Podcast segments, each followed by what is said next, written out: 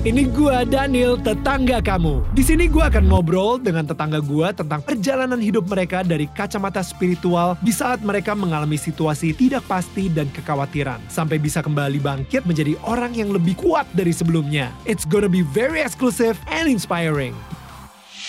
Welcome back bersama gue Daniel Mananta dan tetangga kita Brian Siawarta. Nah, misalnya ya, kalau uh, kalian lagi dengerin obrolan kita dan ternyata ada satu statement atau ada satu quote yang kena banget di hati kalian. Well, tulisin quote tersebut. Mungkin kalian bisa post juga di Instagram kalian dan tag kita juga. Dan mungkin posting kalian itu bisa kena di hati banyak orang juga. So anyway, tag kita di at Daniel Mananta Network atau di at Daniel Tetangga Kamu. Atau mungkin at Brian Siawarta juga. Anyway, kita balik ke obrolan lo ya bro. So, um, sekarang lu membuat gereja gitu dan like why? The biggest thing adalah ini, kalau kita melihat sebuah masalah, kita disakiti oleh sebuah masalah cuma ada dua pilihan. Lari dan gak peduli, atau kembali dan mencoba membantu membawa solusi. Oke. Okay. Dan pada saat gue sekolah di Hillsong itu, gue menemukan, gila gue oke okay banget, gue berasa gini, gak ada gereja yang sempurna. Ya. Kenapa? Karena isinya ada manusia kayak gue ya. dan lu. Ya. Dan di setiap gereja ada ketidaksempurnaan elemen human side-nya, ya. tapi tentu ada elemen Tuhannya, divine side-nya kan. Hmm. Tapi ya sayangnya, walaupun tidak ada gereja yang sempurna, ada gereja yang sehat. Hmm. Karena sehat nggak harus sempurna. Hmm. Ada gereja yang sehat, ada gereja yang tidak sehat. Hmm. Gue mungkin pengalaman dari orang tua besar di gereja yang tidak sehat. Hmm lagi-lagi karena ketidaksempurnaan kita sebagai manusia gitu. Dan hmm. orang tua gue ngalamin itu maka mereka tersakiti hatinya. Tolong deskripsiin ke kita gereja sehat itu seperti apa sih? Gereja sehat, ini definisi definisi gue ya, bisa yeah. salah bisa bener. Ini yang gue percaya. Gereja sehat itu adalah gereja yang mengutamakan nomor satu Tuhan. Bukan orang, bukan pendetanya, bukan satu orang yang memiliki kuasa atau apa. Tapi di tengah-tengah gereja itu yang paling penting dan yang memimpin gereja itu adalah Tuhan. What does it look like? Adalah ya well siapa yang dilihat di sana? Apakah pendeta yang terkenal dan semuanya tentang pendetanya? Apakah satu tentang orang-orang tertentu yang punya banyak duit di gereja itu? Apakah tentang apa? Atau apakah ini tentang Tuhan yang diajarkan adalah Tuhan? Apakah yang diajarkan adalah harus begini, harus nggak boleh begitu? Atau apa yang diajarkan adalah yang terpenting adalah apa yang Tuhan Yesus lakukan buat kita? Bagi gue yang pertama itu, okay. gereja itu harus tentang Tuhan. Nomor dua, gereja itu harus tentang orang. Hmm. Terlalu banyak gereja yang membuat sistem itu lebih penting, aturan itu lebih penting dan orang itu kurang penting. Hmm. Makanya itu yang waktu Tuhan Yesus datang 2000 tahun lalu dia marah karena sebagai pemuka agama waktu itu, pendeta-pendeta waktu itu mementingkan ibadah, mementingkan aturan, mementingkan performa lebih penting daripada orang. Padahal Tuhan Yesus paling penting buat Tuhan Yesus adalah orang. Orang. Hmm. Nah, itu yang itu yang kedua dan yang lain masih banyak banget yang kita bisa ngomongin, right? Hmm. Tapi menurut gue dua itu. Dan kakak hmm. dibilang di Alkitab um, dua ada satu kali ada orang yang nanya ke Tuhan Yesus dari ini banyak banget Tuhan Yesus aturan ini hmm. apa sih yang paling penting di antara semua itu Tuhan Yesus hmm. bilang cuma dua hmm. kasihlah Tuhan Allahmu kasihlah sesamamu hmm. it's about Jesus It's about people. Dan hmm. kita jangan bikin lebih ribet daripada itu. Nah, ya. masalahnya di zaman itu orang-orang bikin lebih ribet daripada itu. Lu harus, lu harus, lu harus, lu harus, lu harus, baru lu layak. Kalau enggak, enggak. Hmm. Tuhan Yesus bikin semuanya simple gitu. Wow. Nah jadi itu yang definisi gue gereja sehat. Dan ya. gimana caranya lu yakin banget bahwa sekarang ini kan lu lagi bikin gereja. Yeah. Uh, dan gak tahu udah udah udah berapa tahun ya? Udah It's been two years. Udah It's dua been tahun. two years ya, yeah. udah dua tahun lebih ya. Nah um, dari gereja tersebut gimana caranya supaya lu make sure mereka nggak ngelihat ke Brian nih maksudnya yeah. come on lu iconic banget dan yeah. apalagi dengan uh, TikTok sempat gede juga lu right. jadi selebriti di TikTok yeah. juga gitu orang-orang datang mungkin pengen ngeliat Briannya right. dan tertarik sama Briannya gitu yeah. tapi lu bilang bahwa gereja tersebut yang lu lagi bikin atau lu lagi bangun harus ngelihat ke Tuhan bukan Betul. ke Brian. Betul. And it's it's hard loh. Kayak paradoks gitu kan. It's hard. Gimana It's hard. Yeah. Gitu. I think the simple way is this. Kadang-kadang kita juga punya pemikiran kalau kita sangat religius, kita sangat ini, oh kita nggak boleh ini semua tentang Tuhan, nggak boleh ada kita seakan-akan kayak kita kita bukanlah siapa pun, kita kita rendah, kita bukanlah kita hanya Yeah. segelintir debu. Yeah. Tapi Tuhan nggak memandang itu. Tuhan memandang kita sangat berharga, sangat bernilai. Oke. And I think kita nggak boleh salah bahwa Tuhan kita itu Tuhan yang besar Hmm. dan dia mau melakukan hal-hal besar lewat diri kita, gua dan elu Neil dan kita semua teman-teman yang dengerin juga. Tapi jadi kalau kita mau melakukan apa yang menjadi sesuatu yang Tuhan dititipkan ke kita di pekerjaan kita, di pernikahan kita, di gereja kita, di ke apa melakukan buat sosial, buat entertainment, di apa, jadilah yang terbaik gitu. Gue berharap hmm. Daniel tetangga kamu, Daniel Management Network jadi uh, perusahaan media yang benar-benar terkenal dan semua ngeliat ke Daniel tetangga kamu, right? Pertanyaannya adalah selalu gini, apakah Tuhan melihat ke kita atau melewati kita? They look to us or through us. Okay. Gue yakin bahwa yang Tuhan mau adalah untuk orang melihat kita dan melihat melewati kita. Artinya hmm. pada saat orang melihat kita, nggak berakhir di kita. Tapi orang bisa melihat Tuhan yang ada di dalam kita. Wow. Sayangnya kita sebagai manusia, kalau kita nggak hati-hati, orang ngelihat ke kita dan kita senang dan kita udah sampai di situ. Hmm. Dan caranya gimana untuk memastikan itu susah banget nih Ya. Gampang kalau kita belum punya ketenaran itu, gampang kalau kita belum punya kuasa dan kita belum punya pengaruh itu. Tapi begitu udah di atas sana, itu yang susah. Dan balik lagi yang paling penting adalah cek hati. Hmm. Pada saat semua orang bilang ke Brian, oh Brian gila itu konten bagus banget. Apa yang gue bilang, apakah dalam hati gue bilang, man good job Brian. Hmm. Atau dalam hati gue bilang, man God you are good. Hmm. Lu tuh amazing gitu. Hmm. Tapi gue gak berarti bilang karena ada orang-orang yang gue kenal ya kan abis nyanyi di gereja gitu kan, weh suara lu bagus banget. Enggak enggak enggak itu bukan gue itu Tuhan Tuhan Tuhan. Jelas-jelas lu yang nyanyi gitu kan. Gak apa-apa menerima pujian itu gak apa-apa. Hmm. Tapi dalam hati kita kita kembalikan itu kepada Tuhan. Hmm. Karena kita tahu, men gue bukan siapa pun. Konten gue bisa FYP. Siapa gue? Tahu gak Nil? Satu hal yang sangat menarik. 95% konten gue gak original. Gak original? Gak original. Oke. Okay most are not. Konten yang tadi yang viral yeah. 40 juta nggak original. Gue ngelihat ada orang bikin humor di bule Amerika. Oh that's cute. Make it jebret gitu kan. Hmm. Konten doa gue nggak original. Hmm. Gue ngelihat orang, gue ngelakuin aja. Cause I'm not there to create something original. I'm just say I want to help people gimana caranya. Ya gue cari orangnya kayak apa yang bagus. Yeah. Oh oke, okay, I'll try. Gue coba kalau bisa itu. Konten original gue apa sih yang kayak gue bilang tentang tato, tentang apa, lebih yang kayak gitu-gitu bukan hmm. yang paling-paling viral banget gitu kan. Hmm. Tapi yang viral-viral itu yang ter, yang terkenal yang orang ngelihat gue, gue ciptakan, I didn't create that. Hmm. Ada orang yang menciptakan, gue kasih kredit, yang penting itu bisa memberkati orang hmm. gitu. Jadi gue tahu banget itu bukan gue, gue cuma siapa gue ibarat hmm. kata. Jadi hmm. gue harus benar-benar selalu menjaga hati, kita harus menjaga hati pada saat diberikan ketenaran dan semua mata menuju ke kita. Jangan sampai orang ngelihat kitanya, tapi bisa nggak orang ngelihat hati kita siapa Tuhan yang di dalam kita. Gitu. Wow.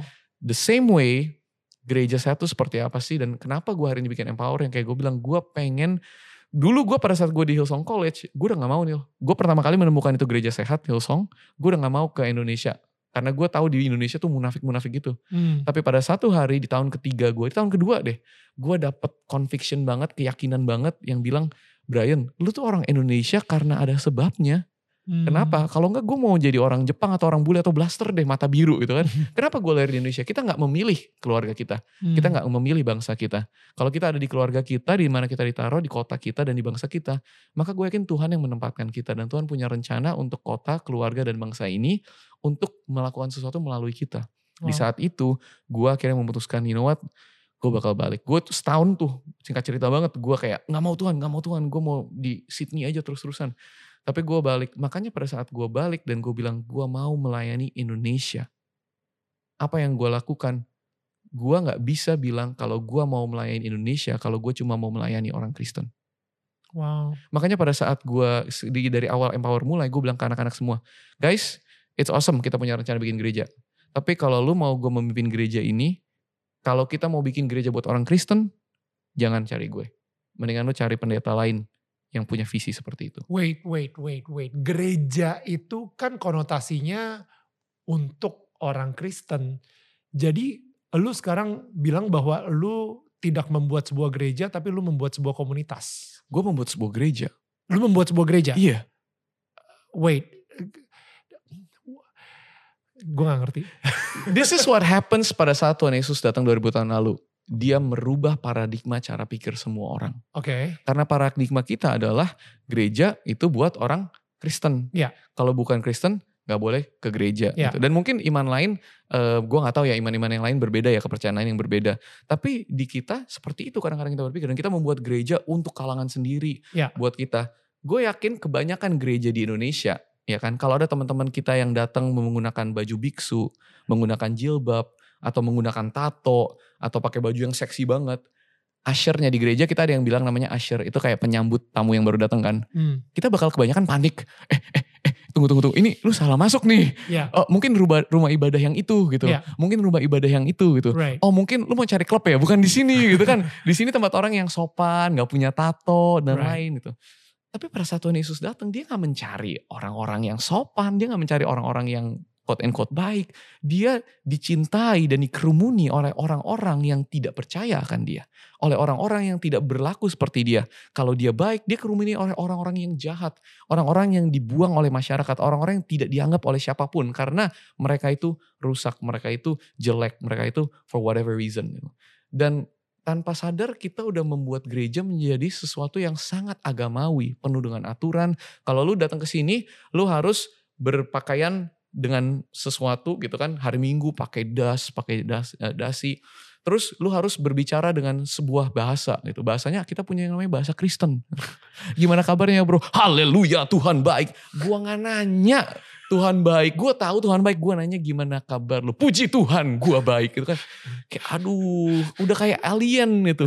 Kayak seakan-akan kayak kita tuh orang suci dan kita harus memisahkan diri dari dunia dengan bahasa, itu, bahasa dengan bahasa Kristen kayak seakan yang bukan orang Kristen nggak percaya Tuhan tuh kayak oh mereka sesat dan gua nggak sesat jadi kita ayo jangan sampai kita jadi sesat hmm. that's not Jesus hmm. Tuhan Yesus hatinya nggak seperti itu hmm. Tuhan Yesus justru Yohanes 3 ayat 16 karena begitu besar kasih Tuhan kepada dunia bukan kepada orang Kristen wow. Tuhan sayang orang Kristen nggak sayang Hmm. Tuhan sayang orang Katolik nggak sayang. Hmm. Tuhan sayang orang Muslim nggak sayang. Tuhan hmm. sayang semua agama sayang. Yang tatoan yang nggak tatoan sayang.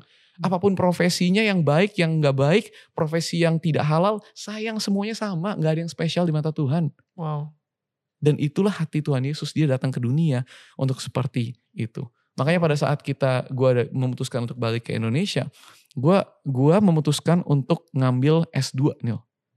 Jadi tiga tahun gue di Sydney, gue lanjut ke Perth selama satu tahun. Oke, benar. Berarti tiga tahun di Sydney, lu udah lulus tuh sebagai pendeta tuh ya? Udah, Udah. Udah. Abis itu tapi lu ngambil S2. S2. Oke. Okay. Teologi. Oke. Okay. Apa yang gue uh, ambil ada ada tentang Alkitab lah, ada tentang apa jurusannya ya. Yeah. Jurusannya adalah pelayanan lintas budaya.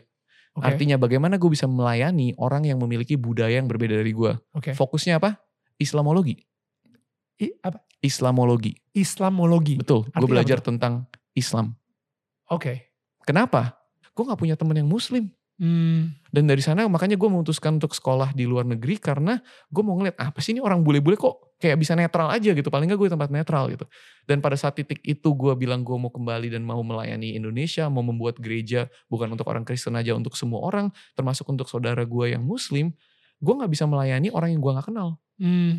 Akhirnya gue belajar itu simply untuk mengenal saudara gue. Karena 86% uh, rakyat Indonesia itu beragama muslim. Ya. Dan kalau Tuhan Yesus hari ini ada di Indonesia, dia akan melayani muslim. Dia akan melayani saudara-saudara kita yang Islam. Dia gak bakal sibuk di gereja. Dia bakal keluar di luar sana. Mungkin, mungkin kita akan menemukan dia lebih banyak di tempat-tempat yang agama berbeda. Mungkin lebih banyak di wihara, mungkin di masjid, apa pun yang kalau dibolehkan ya dengan semua aturan-aturannya. Tapi gue yakin dia 5% ditemukan di gereja, sisanya dia akan di luar sana. Apakah Yesus ada di saudara-saudara kita yang beragama muslim untuk mengkristenkan mereka? Absolutely not. Absolutely not. Dia bukan MLM. Kita tuh kayak MLM. Lu masuk yang ini, lu masuk yang itu kayak klub gitu kan. Dia enggak. Iya, Makanya gue gua stres banget sama satu kata itu. Apa? Kristenisasi. Aduh, paling gue paling frustasi kalau gue dengar kata kristenisasi. Kayak lu gitu jadi kayak sales obat kayak MLM gitu seakan-akan nih lu harus lu harus lu harus gitu. Ya. niatnya baik. Ya. Karena mereka udah mencoba dan mereka kayak gue gila banget. sorry. I don't I'm so sorry. I don't think niatnya baik. Gue gue langsung to the point aja. Um, I don't think niatnya baik. Karena tetap itu dari hati yang penuh dengan egois. Uh, selfish. Betul. mereka akan membuktikan ke Tuhan bahwa ketika gue um, mengkristenkan orang banyak yang uh, dibaptis karena gue, wah gue akan make sure um, gue mempunyai tempat di surga sana nah. dan mansionnya gede banget. you know, like, Bener banget. Um, so rewardnya gede banget dan itu ngerasa kayak Tuhan hutang budi sama mereka gitu in a way. Nah itu yang tadi lu bener-bener bilang Nil. Jadi kalau kita analogikan kayak tadi ya, kayak ada orang kaya yang ngasih mereka obat, hmm. terus mereka pakai sembuh, hmm. tapi mereka kira bahwa mereka harus bayar obat itu. Hmm. Hmm. Gimana hmm. caranya mereka bayar obat itu? Dengan cara menawarkan dan semakin banyak orang yang make, mereka dapat poin, mereka dapat yeah. reward dan satu hari kalau udah cukup, hmm. mereka bisa bilang kepada si orang kaya yang ngasih obat itu, eh lunas ya. Utang gue ya, iya balik lagi. Nah makanya perspektifnya yang paling awal nih adalah cara pikir kita. Apakah kita yang membayar hutang itu? Apakah kita yang membayar keselamatan itu dengan kebaikan dan performa kita? Hmm. Atau kita sadar bahwa ada seseorang yang udah melakukannya, udah membayarnya untuk kita? Hmm. Makanya kenapa gue bilang niatnya baik, bukannya mereka mau um, seperti apa, tapi mereka um, niatnya baik, hanya perspektifnya salah. Gitu. Okay. Jadi mereka kayak oh ya gue harus gue harus berperforma gue harus baik. Kenapa? Karena gue nggak mau sampai satu hari nanti gue sakit lagi loh. Cara uh, pikirnya kayak gitu kan. Nanti yeah. gue masuk neraka loh kalau gue nggak mengkristenisasikan orang gitu. Atau kayak gitu. atau gitu. ya gue nggak bisa bayar lunas gak, hutang yang iya. orang udah baik uh, orang udah lakuin buat gue ini gitu. Iya jadi gue nggak menyalahkan mereka juga. Tapi all that to say gue percaya bahwa itu bukanlah yang Tuhan mau. Right. Gue percaya bahwa Tuhan Tuhan nggak mau kita mengkristenisasikan orang. Mungkin bahkan dia geleng-geleng aduh jangan gini dong guys, please lah. Gue mau mem, mau apa semua orang di dunia ini mereka setiap dari kita adalah anak Tuhan. Itu gue percaya banget. Apakah kita tahu dia atau enggak? Apakah kita percaya dia atau enggak? Dia tahu kita dan dia percaya kita. Dan dia cuma mau anak-anaknya menerima kebaikan dia. Dan kita di sini berantemin agama masuk kotak ini, masuk kotak itu. Makanya yang gue coba lakukan di TikTok juga kayak, yuk kita ngobrol sebentar sebagai manusia yuk. Wow. Bukan sebagai agama A atau agama B. Wow. Karena gue tahu teman-teman di agama Kristen yang cara hidupnya nggak kayak Tuhan Yesus. Hmm. Gue juga tahu teman-teman di agama yang lain. Di agama-agama yang bukan agama Kristen. Tapi mereka cara hidupnya seperti Tuhan Yesus. Bahkan beberapa dari teman-teman gue, mereka mengenal Tuhan Yesus dan mereka percaya Tuhan Yesus. Ya. Tanpa mereka tetap berada di agamanya. Ya. Apakah gue bilang ke mereka, lu udah percaya Tuhan, lu harus masuk Kristen dong. Hmm. I think it's more than that. Tuhan tidak bisa di box dalam sebuah agama. Hmm. Dia tidak bisa di box dalam sebuah um, apa namanya gereja. Dia wow. lebih besar daripada. Ah, dan di sinilah gue get into trouble. Gue masalah banget. Video gue yang paling viral tuh 40 juta. Ya. Itu gue bikin, gue tidur gue bangun 20 juta. Dan di hari gue itu, itu terus naik tuh dalam seminggu ke depan gue ditelepon banyak banget pendeta nih. gue dicek, lu udah sesat ya. ya. Lu universalis ya. Hmm. Karena dari agama uh, Kristen itu ada satu uh, yang kita percaya, kalau kita bilangnya tuh universalis. Artinya orang yang percaya bahwa semua agama itu menuju surga. Semua okay. agama itu benar. Semua agama itu sama. Beda-beda tapi tujuannya sama. Artinya lu bisa percaya apa pun, universal, tapi lu bisa ke arah yang benar. Okay. Gue bilang ke mereka, enggak. Gue justru antitesisnya universalis. Kenapa? Karena gue percaya cuma ada satu jalan menuju surga dan keselamatan. Tapi di video tersebut itu kan kesannya kayak gak bisa dijelaskan semua. Ya kan? Itu kesalahan gue. karena karena gini, karena di video tersebut ada orang ateis di surga. Abis itu bilang, jangan lewat kamar nomor yeah. sekian gitu. Yeah. Nah itu berarti, eh apa, uh, nanti kalau misalnya lewat kamar nomor sekian, lu diem-diem aja ya. Dan endingnya adalah karena orang Kristen ngerasa Cuma mereka, mereka satu-satunya yang ada di surga yeah. gitu. Nah itu kan secara tidak langsung lu bilang bahwa ateis pun juga masuk surga gitu.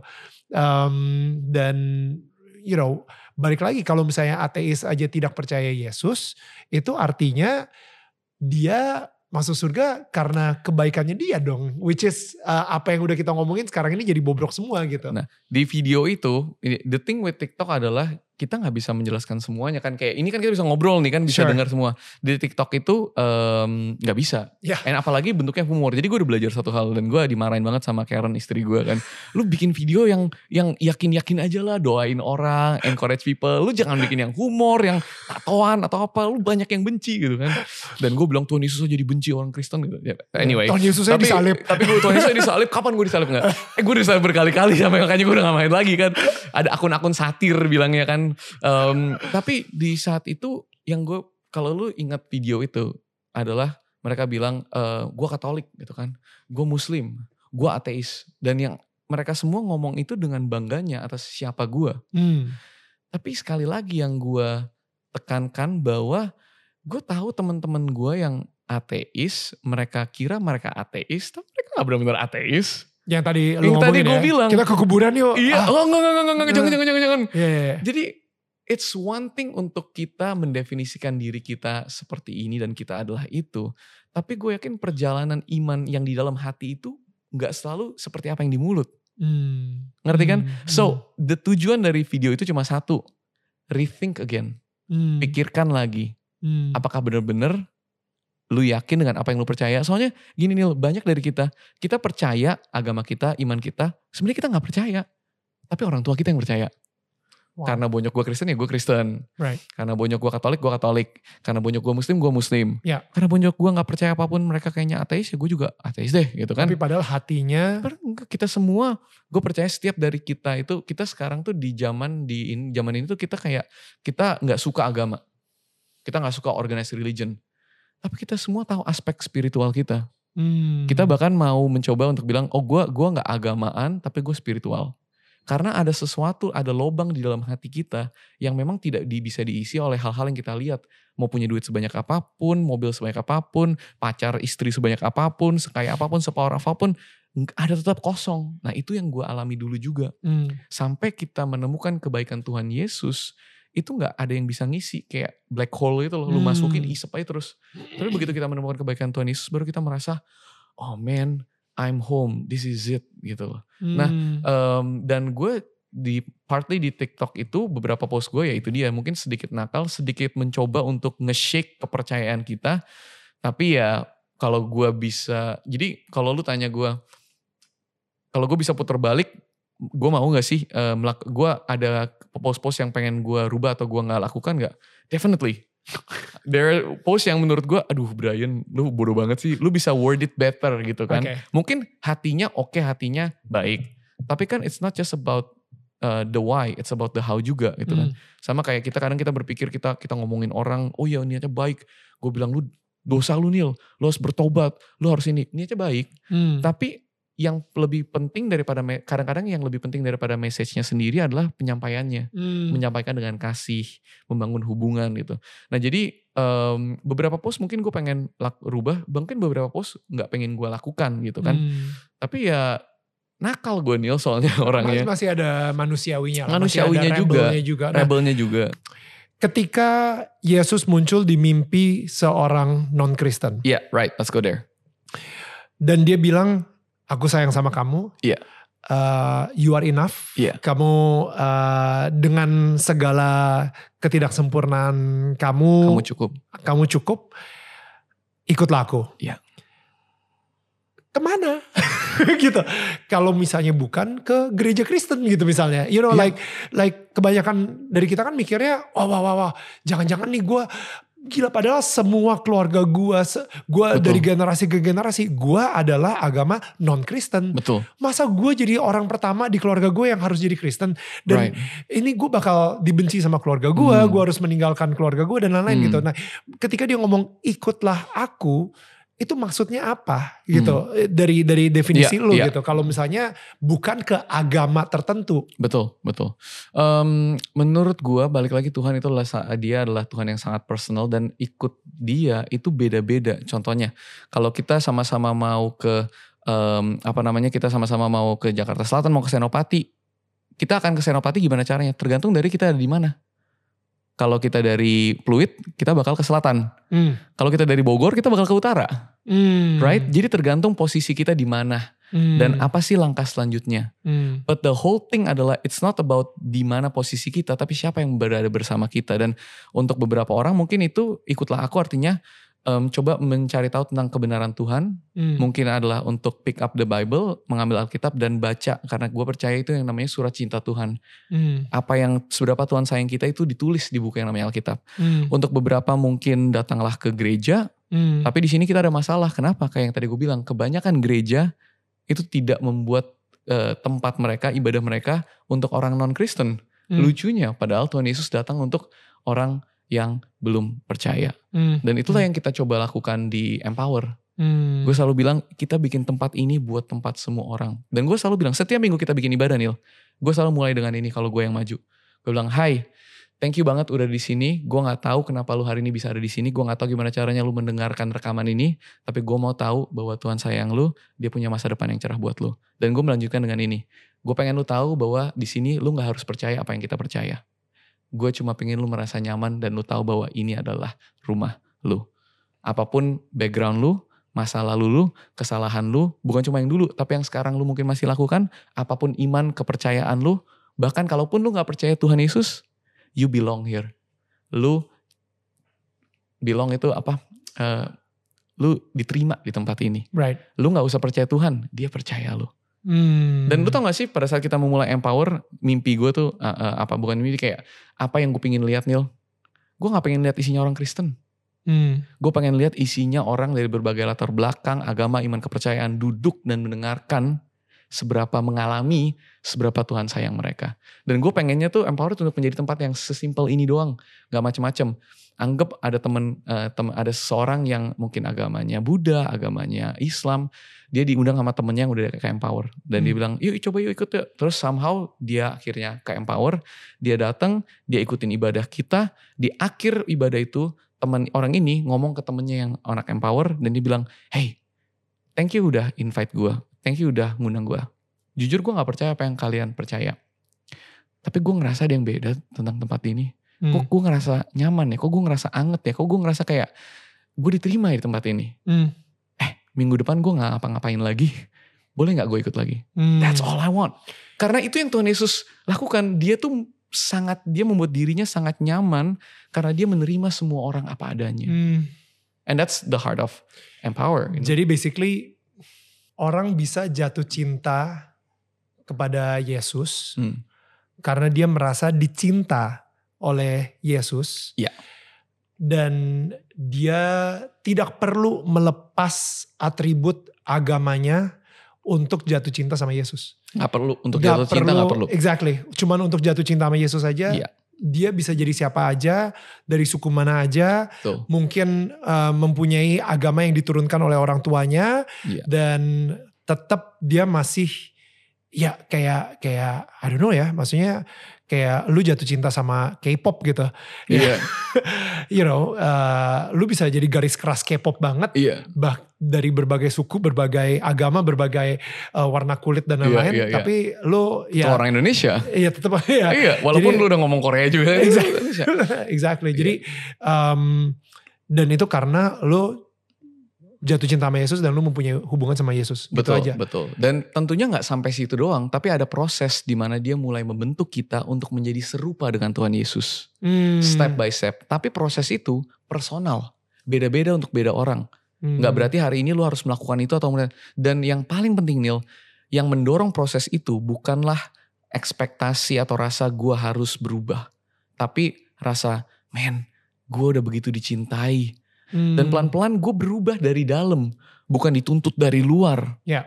Dan itulah proses yang kita semua akan jalani. Hmm. Dari agama background apa pun kita akan menjalani proses itu gitu. Wow. Kadang-kadang mudah tapi mungkin lebih sering sulit. Ya. Kadang-kadang dalam proses itu kita harus ditolak orang, dibuang orang, tidak dianggap orang, tapi itu ada bagian darinya. Tapi nggak ada orang yang bisa bilang kapan, siapa, dan bagaimana. Biar Tuhan sendiri yang menuntun kita secara pribadi, hmm. dia yang menuntun, dia yang mengarahkan, dia sendiri yang menyeport, dia sendiri yang memberikan kekuatan, dia sendiri yang menopang kalau sampai gagal pun jatuh, kita akan jatuh terus. Hmm. Tapi tangannya ada untuk ngebangkutin kita dan narik kita lagi, yuk bisa yuk jalan pelan-pelan bersama. That's Personal good. banget. That's good. Dan gue kenal teman-teman muslim gue yang menemukan siapa Tuhan Yesus itu dan lucunya ya Tuhan tuh saking sayangnya kita dia tuh berbicara kepada kita dengan bahasa yang kita tahu. Mungkin buat gue seperti ini. Buat teman-teman gue yang muslim gue dengar cerita mereka gimana ikut Tuhan gimana mendengar kebaikan Tuhan gimana bisa percaya Tuhan sering kali lewat mimpi. Hmm. kayak kalau lu tanya orang yang backgroundnya Buddha ketemu Tuhan nggak ada yang lewat mimpi mungkin satu dua persen. Tapi teman-teman gue yang muslim bisa ketemu Tuhan mengenal kebaikan Tuhan gue gak bercanda ya 80% ketemu di mimpi gue gue mimpi gue tidur literally tidur ini dan ini, bermimpi teman-teman teman-teman muslim gue Mereka bilang gue bermimpi ketemu orang yang putih banget. Terus somehow dia tahu itu Tuhan Yesus. As simple as that. Terus dari sana dia kayak yakin dan percaya dengan Tuhan gitu dalam prosesnya dan apa pun yang terjadi setelah itu ya. Right. Tapi yang gue mau highlight adalah dia berbicara kepada kita dengan bahasa yang kita tahu, dengan cara yang kita tahu gitu. Hmm. And itu menurut gue so special. Tuhan lu begitu peduli sama kita sebegitunya. Hmm. Hmm. Lebih daripada agama kita, lebih daripada kepercayaan kita. Gitu. Bentar-bentar. Jadi gue gue jadi semakin penasaran sih bro. Kayak kayak gini nih. Kalau misalnya Yesus uh, muncul lewat mimpi, you know, barusan lu ngomong sampai gitu kan, um, uh, berupa wujud sosok seseorang pakai baju putih uh, atau you know um, muncul di mimpinya dan habis itu cuma mau ngasih tahu ke banyak orang yang non Kristen um, bahwa Yesus sayang sama dia, Tuhan sayang sama dia, hmm. tapi bukan ingin menjadikan mereka agama Kristen. Jadi why? Hmm, hmm, hmm. What is outcome itu apa gitu? Resultnya itu apa dari dari dari cuman ngasih tahu aja, eh gue sayang sama lu loh. Yeah. And then outcome-nya apa kalau misalnya right. mereka bukan jadi agama Kristen? Right. gitu. Nah, uh, great question banget. Ada satu hal yang kita nggak boleh lupakan, yaitu kata-kata itu, lu anak gue, gue sayang banget sama lu, I'm proud of you, itu nggak sampai situ doang. Oke. Okay. Ikutlah aku.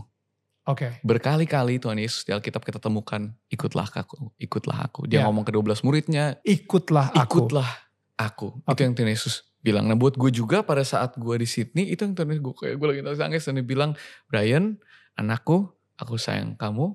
Ikutlah aku. Ikutlah aku. Okay. Tapi ikutlah aku dalam arti Hillsong College dia bilang. Okay. Buat gue waktu itu untuk ngikut Tuhan, itu adalah mengambil langkah ke Hillsong College. Oke. Okay. Untuk setiap dari kita itu berbeda-beda ketika dia ngomong ikutlah aku. Ikutlah aku. Tapi tentunya itu yang Tuhan mau. Kenapa? Karena Tuhan bilang, akulah jalan dan kebenaran. Hanya orang hanya bisa um, bisa datang kepada Bapa, bisa mendapatkan keselamatan dan kekekalan lewat aku kata Tuhan. Okay. Jadi gue yakin banget makanya orang bilang gue universalis bukan. Gue cuma percaya bahwa satu-satunya jalan keselamatan adalah lewat Tuhan Yesus. Okay. Tapi dia suruh tuh dia, semua dari kita untuk mengikut dia. Nah sering kali kita menganggap mengikut dia sama dengan jadi Kristen. Apakah yes. itu yes or not?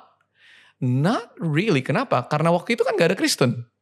Kekristenan agama Kristen baru dimulai sejak setelah itu. Berapa ratus tahun kemudian setelah terlalu, Yesus Jadi kalau ceritanya historinya, waktu itu Tuhan Yesus kan udah, waktu itu di zaman itu Tuhan Yesus dan para pengikutnya tidak dibilang mereka agama Kristen. Tuhan Yesus itu datang di budaya ya, Judaism, ya, Jewish, apa ya. namanya? Ya, Yahudi. Yahudi. Yahudi. Um, jadi ada Yahudi kan juga kepercayaan dan agama ya. ya. Nah, jadi Tuhan Yesus Yahudi tapi Tuhan Yesus juga ditolak oleh orang Yahudi. Ya. Karena bilang ini enggak kalau di Yahudi Tuhan Yesus dianggap manusia biasa dan disalib bukan malahan. Tuhan disalib sama orang Yahudi. Ya. Jadi dia nggak bukan dikeluarkan gitu.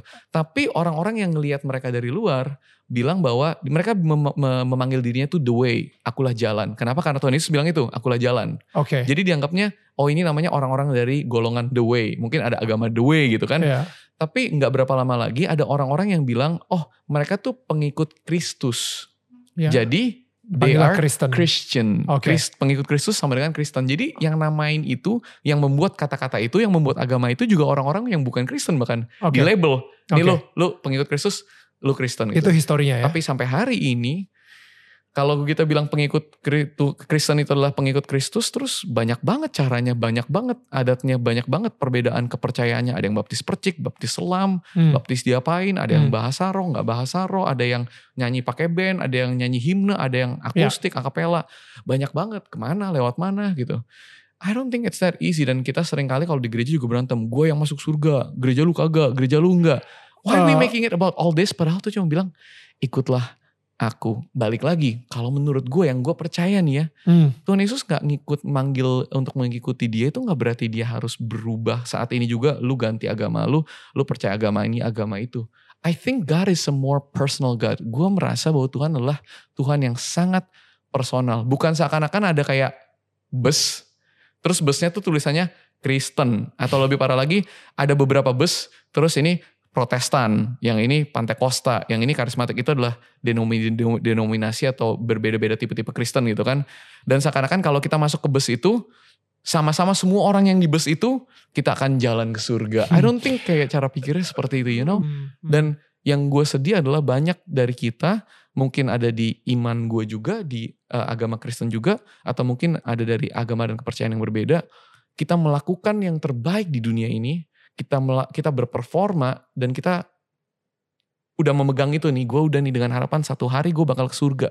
Karena yang gue lakukan itu lebih baik. Kayak kalau gue timbang-timbang, kalau gue ukur-ukur, kalau gue ngitung-ngitung, lebih banyak baiknya kok. Gue gak Hmm. seberengsek-berengsek itu banget. Gue gak pernah bunuh orang, gue gak pernah nyeleweng. Ya anak gue mungkin gue pukul dikit, tapi gak parah-parah banget, gak berdarah gitu kan. Terus gue juga gak sampai nipu gimana. Ah pasti gue masuk surga.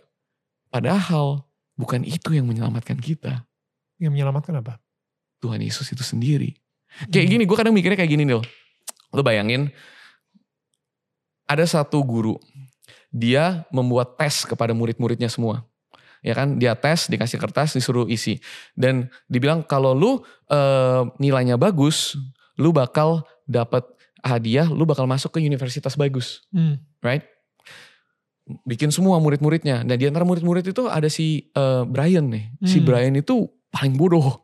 Yang lain 50, 60, 70, 80, 90. Si Ya. Brian tuh bodohnya nilainya cuma 20. Oke. Right? Um, dan Brian ini udah tahu dia bakal gagal. Hmm. Dia bakal nggak bisa. Yang lain yang 60, 90, 80, 95, 99 itu seneng banget. Wah Hmm. pasti nih gue bakal ke universitas yang bagus gitu kan. Hmm. Dan gurunya sedih ngelihat si Brian nggak bakal lulus gitu. Hmm. Tapi pada saat di eh, Brian pulang, yang lucu adalah guru itu adalah bapaknya. Oke. Oke. Di, di, di sekolah dia jadi gurunya. Ya, Tapi ya. dia juga bapaknya. Right. Dan karena dia tahu sendiri ada aturannya. Kalau misalnya dia nggak lulus, dia nggak bisa ke universitas. Hmm. Tapi you know what's the thing with this test? Hmm. There are few things with this test yang kita nggak sadar. Kita melakukan yang terbaik. Tapi yang pertama kali kita harus tahu adalah tes ini ke- kelulusannya bukan 50. Kelulusannya 100. Oke. Sempurna tidak bercacat. Wow. Wow. Itu yang kita percaya. Kita bilang bahwa hanya kesempurnaan yang bisa membawa kita ke surga. Bukan 99,9, ini 100. 99 pun juga nggak akan lulus. Enggak akan Hmm. lulus. Kalau lu pernah keinjek temen lu punya kaki masuk neraka gitu kan. Right. Masa sih? Iya kesempurnaan. Ya. Karena Tuhan itu sempurna. Ya. Jadi kalau lu 99 pun nggak lulus. Ya. Dan kalau somehow ada satu anak yang merasa dia udah melakukan 100%, ada satu lagi yang kita harus ingat. Hmm. Bahwa ternyata bukan cuma kita nggak bisa 99, nggak bisa 100. Karena kalau kita menulis, ke- ada kemungkinan kita 100 kan. Tapi ada satu lagi yang nggak bisa. Bahwa ternyata tes ini itu manual. Untuk masuk ke universitas ini, itu harus dilakukan secara elektronik. Ah. Jadi sistemnya pun nggak bisa. Hmm. Dan kita mencoba membay- membayangkan ada sebuah sistem yang kita bisa paham secara manusiawi yang make sense yaitu kita harus nilai 100 kalau bisa kita akan masuk ke surga. Hmm. Tapi Alkitab berkata bahwa karena seseorang di zaman dulu yang kita percaya sebagai Adam dia udah berdosa, seluruh umat manusia menjadi dosa. Hmm. The system is rigged kata bahasa Inggrisnya. Ya, Jadi, lu mau seberapa pun lu sampai 100 pun kagak Iya. bisa. ternyata karena sistemnya udah digital nggak bisa ngebaca yang manual. kesalahannya bukan individual. Kita kira dosa itu kayak, aduh gue marah sama lu, gue ngatain lu, ya kan, sapi lu gitu. Hmm. Terus gue dosa. Iya, tapi dosa itu bukan lebih itu. Dosa itu adalah masalah sistemik gitu. Hmm. Jadi kita udah udah nggak bisa ke surga anyway. wow. Nah tapi balik lagi ke cerita ini, bapaknya ngelihat si Brian, aduh kasihan ya. Hmm. Apa yang dia lakukan? Dia nulis ulangannya Brian Hmm. secara manual. Dia ngisi karena dia tahu jawabannya kan. Hmm. Dia ngisi semuanya. Hmm. Tapi bukan cuma itu, dia daftarin secara online. Hmm. Terus dia panggil, dia pakai namanya Brian. Hmm. Dia pakai namanya Brian dan tapi nggak cuma itu karena itu secara online harus ada pembuktiannya. Brian harus naruh cap jempolnya. Hmm. Dia bilang ke Brian, nih gue udah isiin, gue udah bikinin. Hmm. Lu mau nggak? Lu cuma cukup cap jempol aja. Mungkin gue nanya, buat apa pi? Enggak, enggak, lu gak perlu tahu. Percaya aja, pokoknya lu bakal ke universitas. Gimana caranya? Udah lu gak perlu tahu. Hmm. Pokoknya papi yang urus. Dan Brian pencet, dan Brian masuk ke universitas. Hmm. Tapi bapaknya nyalahin hukum. Iya. Kan ada aturan. Iya. Bapaknya masuk penjara. Wow. Soalnya gini, kita percaya bahwa Tuhan adalah Tuhan yang adil. Hmm. Dia itu suci, dia itu 100% baik. Hmm. Dan dia membuat aturan untuk menjunjung tinggi kesucian dia, kebenaran dia gitu. Of course. Jadi aturannya adalah lu gak bisa ke surga kalau lu dosa. Hmm. Itu ada aturannya. Kalau dia ngasih semua orang boleh ke surga, maka dia gak benar-benar suci. Hmm. Jadi dia benar-benar suci. Tapi di aturan itu, aturan yang dia buat, dia sendiri yang menyalahinya dengan cara harus ada pengorbanan. Kalau lu berdosa, kalau lu berdosa, lu harus mati. Upah dosa adalah maut, lu harus mati. Wow. Tapi dia bikin aturan itu, tapi dia nggak tega karena dia sayang banget sama kita. Hmm. Dia yang bikin aturannya, dia sendiri yang mati di tempat kita. Wow. Biar kita bisa mengambil kesucian dia.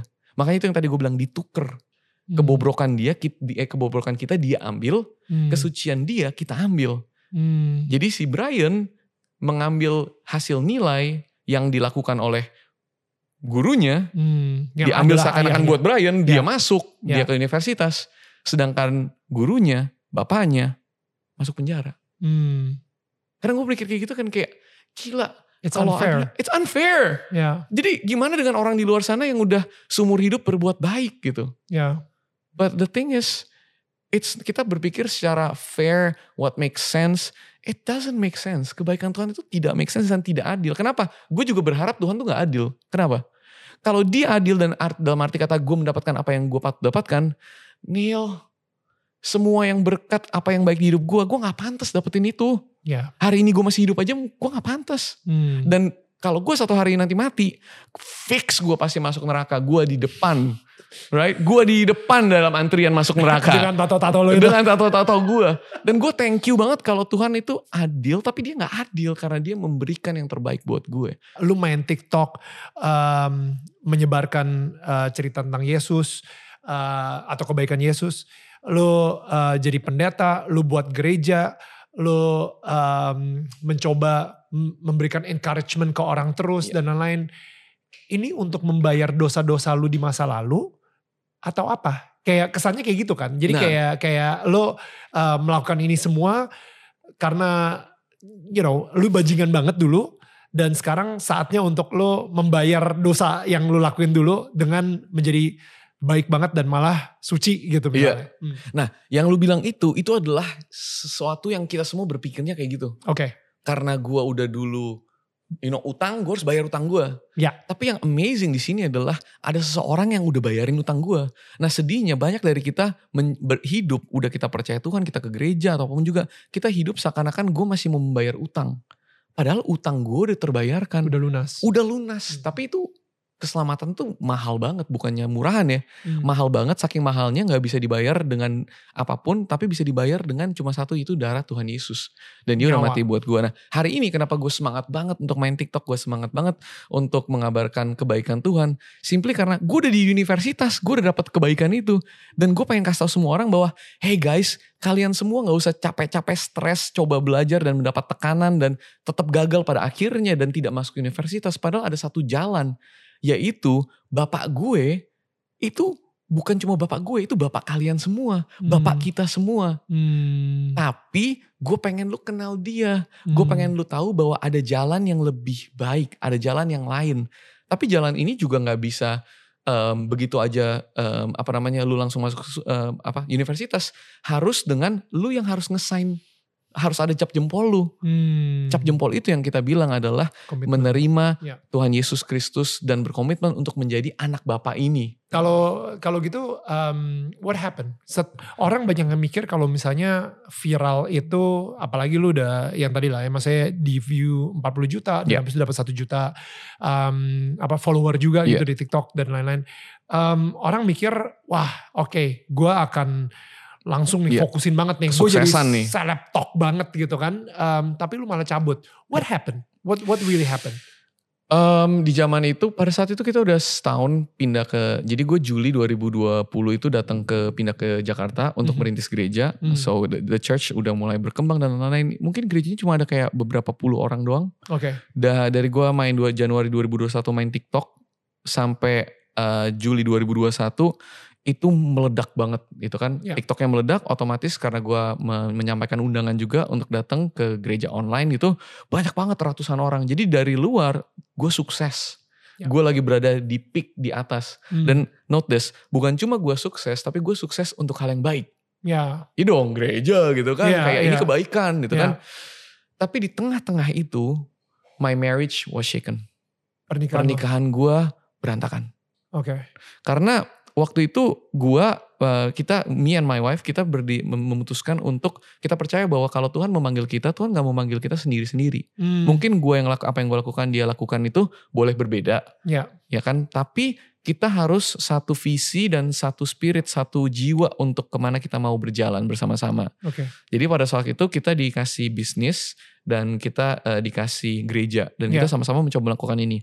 Tapi pada saat gue mulai sibuk dan lain-lain, gue mulai meninggalkan Karen dan bisnis yang harusnya kita jalanin bareng. Gue ninggalin, udah Beb, lu, kamu yang jalanin ya. Saya lagi melakukan pekerjaan Tuhan. Ya, mulia nih. Fix nanti rumah kita gede di surga gitu kan. Dan dia padahal ini gak ada duitnya. Gereja kita gak ada yang full time, gak ada yang dibayar. Yeah. Gue main TikTok sampai hari ini gue kagak mau ngambil endorsement. Hmm. Kenapa? Karena gue gak merasa itu adalah ladang gue untuk mencari duit. Hmm. Tapi gue bilang ke Tuhan, gue mau banget dong Tuhan kalau bisa kasih gue sebuah bisnis. Hmm. Kenapa? Karena gue yakin kita butuh makan tetap di sini yeah. dan lewat bisnis itu gue bisa fokus justru untuk melakukan um, apa namanya mau menjadi pendeta, mau melakukan konten untuk itu gue nggak perlu mikirin duit jadinya yeah. karena udah ada kecukupan. Nah Tuhan kasihlah dalam bentuk bisnis kita kasih makan anjing gila kita demen anjing bisnis makan anjing udah happy banget gitu kan. Yeah, yeah, yeah. Tapi karena terlalu sibuk dan ke sana, gue meninggalkan Karen sendirian. Dia udah merasa kayak dia dan di sini kan banyak tuh gereja, banyak temen, banyak ini 20 orang, 30 orang Tapi yang yang melayani. Istri, lu sendiri istri gue sendiri itu bisnis baru cuma ada satu dua orang doang, dia berasa kesepian gue meninggalkan dia gitu. Dan yang kayak lu bilang dalam pemikiran gue, wah ini panggilan gue nih, gue melakukan sesuatu yang berguna bagi bangsa dan masyarakat. Hmm. Tapi pada saat itu makin bulan 3, bulan 4 udah masuk Mei, tensionnya tuh makin berat. Gue sibuk waktu gue abis buat TikTok, buat gereja. Hmm. Dan abis gak ada waktu buat bisnis, gak ada waktu buat uh, untuk hubungan sama istri gue pernikahan. Gue pengen fokus justru ke hubungan lu dengan TikTok dulu deh. Ya. Karena uh, lu sendiri juga sempat bilang gitu ya, maksudnya kayak setiap kali lu saat itu ngepost satu hari berapa kali? Tiga. Satu hari tiga post. Satu kali posting itu lu ngedit-ngedit dan lain-lain itu berapa lama kira-kira? Tiga post itu rata-rata gue ngabisin 4 jam sehari empat empat jam. Empat jam. Oke, okay. dan abis itu uh, wow wow. Oke, okay, jadi satu hari empat jam lo di ngedit si uh, dan lo ngebuat video TikTok tersebut. Yeah. Um, tapi kan hasilnya jelas ya viral dan lain-lain yeah. gitu kan. Tapi pada akhirnya uh, I don't know ya, gue ngerasa bahwa keviralan di TikTok bukan menjadi sebuah berkah buat lo, tapi bisa malah menjadi sebuah ujian Betul. buat lo karena yang diuji sebenarnya uh, hati lo sendiri apalagi di pernikahan lo yang masih dibilang masih muda banget yeah. ya saat itu ya masih setahun setahun married right or yeah. something itu udah udah shaken gitu yeah. um, udah udah tergoyang banget gara-gara fokus lo sama si dunia TikTok ini yeah. so um, you know kita mikirnya kalau misalnya viral itu mungkin bisa menjadi sebuah berkah tapi sebenarnya itu sebuah ujian Semuanya ya. dua sisi. Ya, ya, ya, itu sebenarnya sebuah ujian gitu. Yeah. Uh, maksudnya ini ini relate banget mungkin sama orang-orang yang sekarang ini lagi nonton yang yang justru pengen nge-build you know, wah suatu saat gue pengen banget nih bisa jadi kayak Brian gitu mm -hmm. yang bikin posting bisa ditonton sama jutaan orang, yeah. right? And yet and yet they're you know ngelihat dari lo, lo malah cabut dari dunia yeah. TikTok sampai hari ini. Um, gue gak tahu apakah lo uh, ada pemikiran untuk balik lagi ke TikTok ya. Yeah. Tapi um, gimana sih caranya lo tahu bahwa ternyata itu adalah sebuah ujian yeah. dan bagaimana cara lo uh, bisa ngehandle yeah. bukan TikTok mengontrol lo tapi lo lah yang mengontrol semua sosial media itu.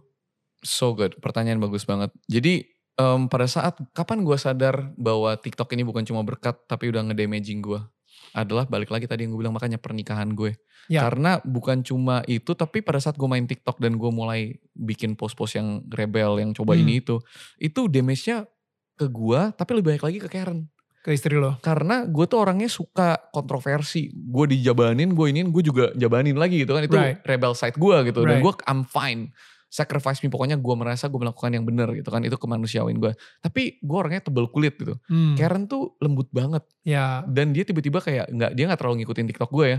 Tapi kalau gue udah masuk FYP terus gue yang yang bukan yang post-post baik nih ya post-post yang Kontroversi. yang kontroversial tiba-tiba dia dapat DM dari teman-temannya Karen are you okay? Lu kenapa? Lu lu ah, lu nggak apa-apa nggak? Lu butuh temen nggak? Lu butuh ngomong nggak? Karen kayak hmm. aduh kenapa lagi nih? Terus dia hmm. ngelihat suaminya masuk ke gila Nil gue bikin TikTok satu menit YouTube yang ngejelasin bahwa gue tuh pendeta sesat dan itu sesat tuh banyak banget gitu kan. Dia buka ke sini penjelasan bahwa Brian sesat ini sesat waktu itu semua gue tuh dengan video yang 40 juta itu itu mengguncangkan dunia Kristiani. Semua pendeta tahu gue Nah sayangnya gue itu bukan rencana gue untuk dikenal sebagai pendeta sesat gitu kan. Uh, I made it mom, aku berhasil mah, aku dikenal semua pendeta gitu kan.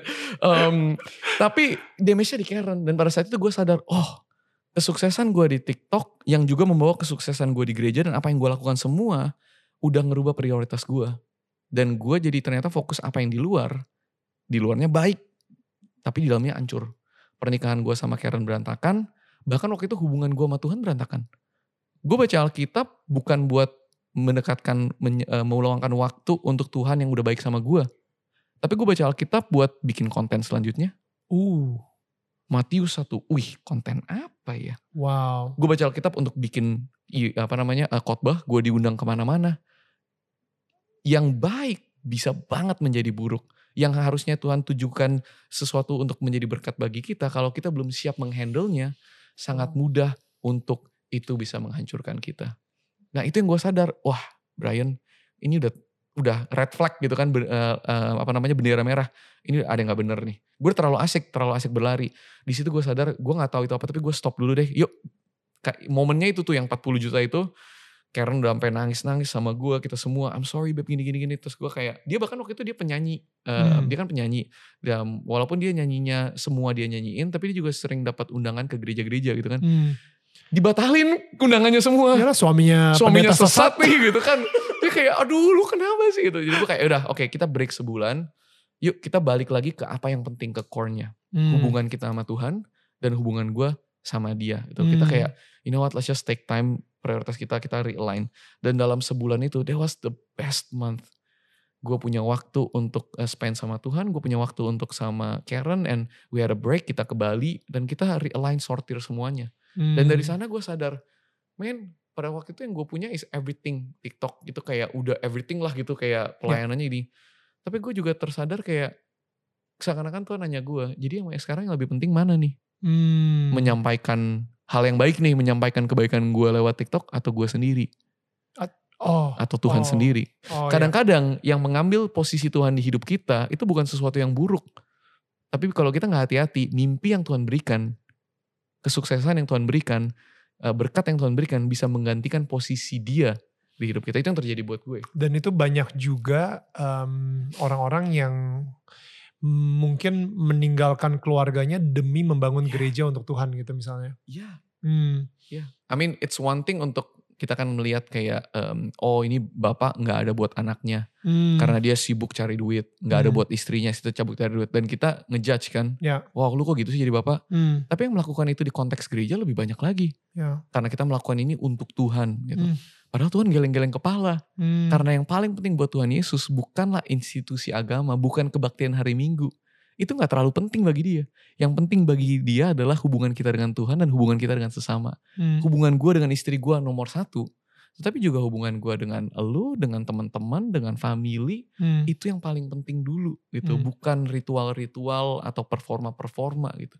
Jadi di sana riset aja sih Neil. Dan enak banget sebulan udah gak ituin TikTok. Dan kita kayak you know what, let's just take a one year break. Wow. Dan gue harus meluruskan hati gue lagi Neil. Hmm. Karena it's a sudden fame Ya. Ya kan pastor TikTok this and that semua jadi kenal gue. Bisa gak sih kalau gue balik lagi menjadi orang biasa? Wow. wow. And itu yang terjadi for one year. And that's been the best year. Hmm. Dan satu hari gue tahu gue bakal balik lagi.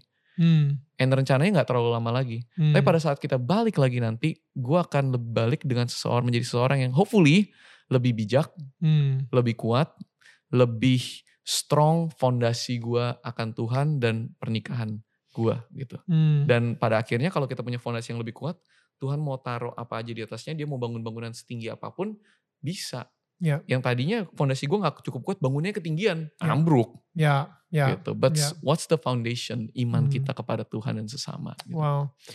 Um, Brian, I feel so full. Oke, okay? yeah. gue kayak dengerin cerita lo, dengerin dengerin um, tentang the fact that lu adalah seorang pastor, tapi lu bisa ngakuin bahwa, men, saat itu gue sempet sempet apa ya um, sirna gitu dengan dengan ketenaran dan yeah. lain-lain sampai you put a stop yeah. karena uh, untuk mengakui bahwa pastor juga seorang manusia lu adalah seorang manusia yang tidak sempurna dan bahkan um, ada di posisi lu mau mengorbankan pernikahan lu sendiri demi mendapatkan more fame more itu itu nggak gampang sih hmm. menurut gue and yet uh, ketika lu sadar um, dan you put a stop to it lu bener-bener uh, back off banget um, itu butuh kerendahan hati yang luar biasa sih menurut gue. Hmm. You know, um, thank you, thank you for being real, thank you for being open about that uh, to share with us. Um, jadi, how do people find you? Kalau misalnya sekarang nih orang-orang uh, mereka sekarang nih udah mungkin udah terlupakan karena lu udah setahun nggak nggak tiktokan gitu yeah, iya. misalnya, yeah. Um, tapi tiba-tiba lu muncul di di channel gue gitu, yeah, yeah. eh ini nih ini yang dulu nih. How do people find you? Right, right. Uh, IG TikTok gue Brian Shawarta, B R I A N S I A W A R T A. Tapi kan itu udah gak aktif lagi nih sekarang nih. Oh masih, it's funny thing lucunya sampai hari ini gue denger orang-orang masih FYP gue punya video masih gitu muncul kan. di FYP masih gue masih TikTok akun okay. gue masih ada masih jadi ada kalau misalnya mereka pengen ngedengerin lo lebih jauh lagi how do they find you IG TikTok Brian Shawarta and gue juga um, di Empower definitely we update uh, konten-konten setiap uh, minggunya empower.id empwr titik id yeah. ada di IG juga and di YouTube juga ada sama hmm. Empower Indonesia um, yeah that's how you can find me oke okay, oke okay. and Kapan lu bakal muncul di TikTok lagi berarti? Paling lama nih ya, paling yeah. lama New Year New Me lah 2023. 2023. 2023. Yes, okay. paling lama 1 okay. Januari. Oh wow. That's the deadline. Keasikan Neil. Tiga jam soalnya. Tapi kali ini gue gak bakal tiga. Lu bayangin tiga empat jam. Soalnya gue yang ngedit sendiri, gue yang ngedit sendiri. Lu ngedit sendiri, iya. Tapi this time let's do it together. Gue bakal ada teman-teman yang bakal bantuin, bakal um, jadi ya yeah, just yeah. doing it smarter. Ya. Yeah and hopefully bisa memberkati orang lagi. Ya, ya, to to, to give that encouragement. Encouragement. Gue suka sih kata-kata itu, encourage, gitu. encourage gitu. Menyemangati. Iya, menyemangati atau uh, menguatkan atau memberikan keberanian di dalam hati orang tersebut ya. karena mereka sadar bahwa mereka nggak sendirian. Ya. Mereka ada Tuhan yang menyayangi mereka, yang ya. ada sama mereka sehingga mereka bisa berani dan bebas untuk melakukan apa yang mereka takutkan selama ini gitu misalnya. Yeah, absolutely. I yes. like that. I like that. So Brian, um, I got this for you. Uh, oh, this is for you, you and Karen. Um, basically ini adalah uh, rumah ini. Oh, so okay, we made it out of clay, uh, handmade dan um, lu bisa taruh lilin di sini dan gue berharap banget dari rumah lo, dari TikTok lo, uh, lu bisa menjadi terang yang menyinari tetangga-tetangga kita yang lainnya kayak gitu, right? Sehingga Indonesia ini semakin terang, ya kan? Karena tetangga saling menyangga bukan menyanggah. Mantap. So, alright guys, I'll see you guys again next week. Um, yang pastinya sama tetangga-tetangga kita yang lainnya yang juga mengalami uh, spiritual journey yang mungkin relevan dengan keadaan kalian sekarang. I'll see you guys again next week. Bye. Thank you so much guys sudah mendengarkan podcast Daniel Tetangga Kamu. Dan jangan lupa di follow podcastnya dan share ke sosial media kalian menggunakan hashtag Daniel Tetangga Kamu sebisa mungkin gue akan repost keseruan kalian ketika lagi mendengarkan podcast ini. Kalian juga bisa menyaksikan Daniel Tetangga Kamu setiap hari jam 4 sore waktu Indonesia bagian Barat di channel YouTube Daniel Mananta Network. Karena setiap minggunya akan ada sosok-sosok inspiratif yang akan menceritakan perjalanan hidup mereka dan hubungan mereka dengan Tuhan. Sampai ketemu minggu depan.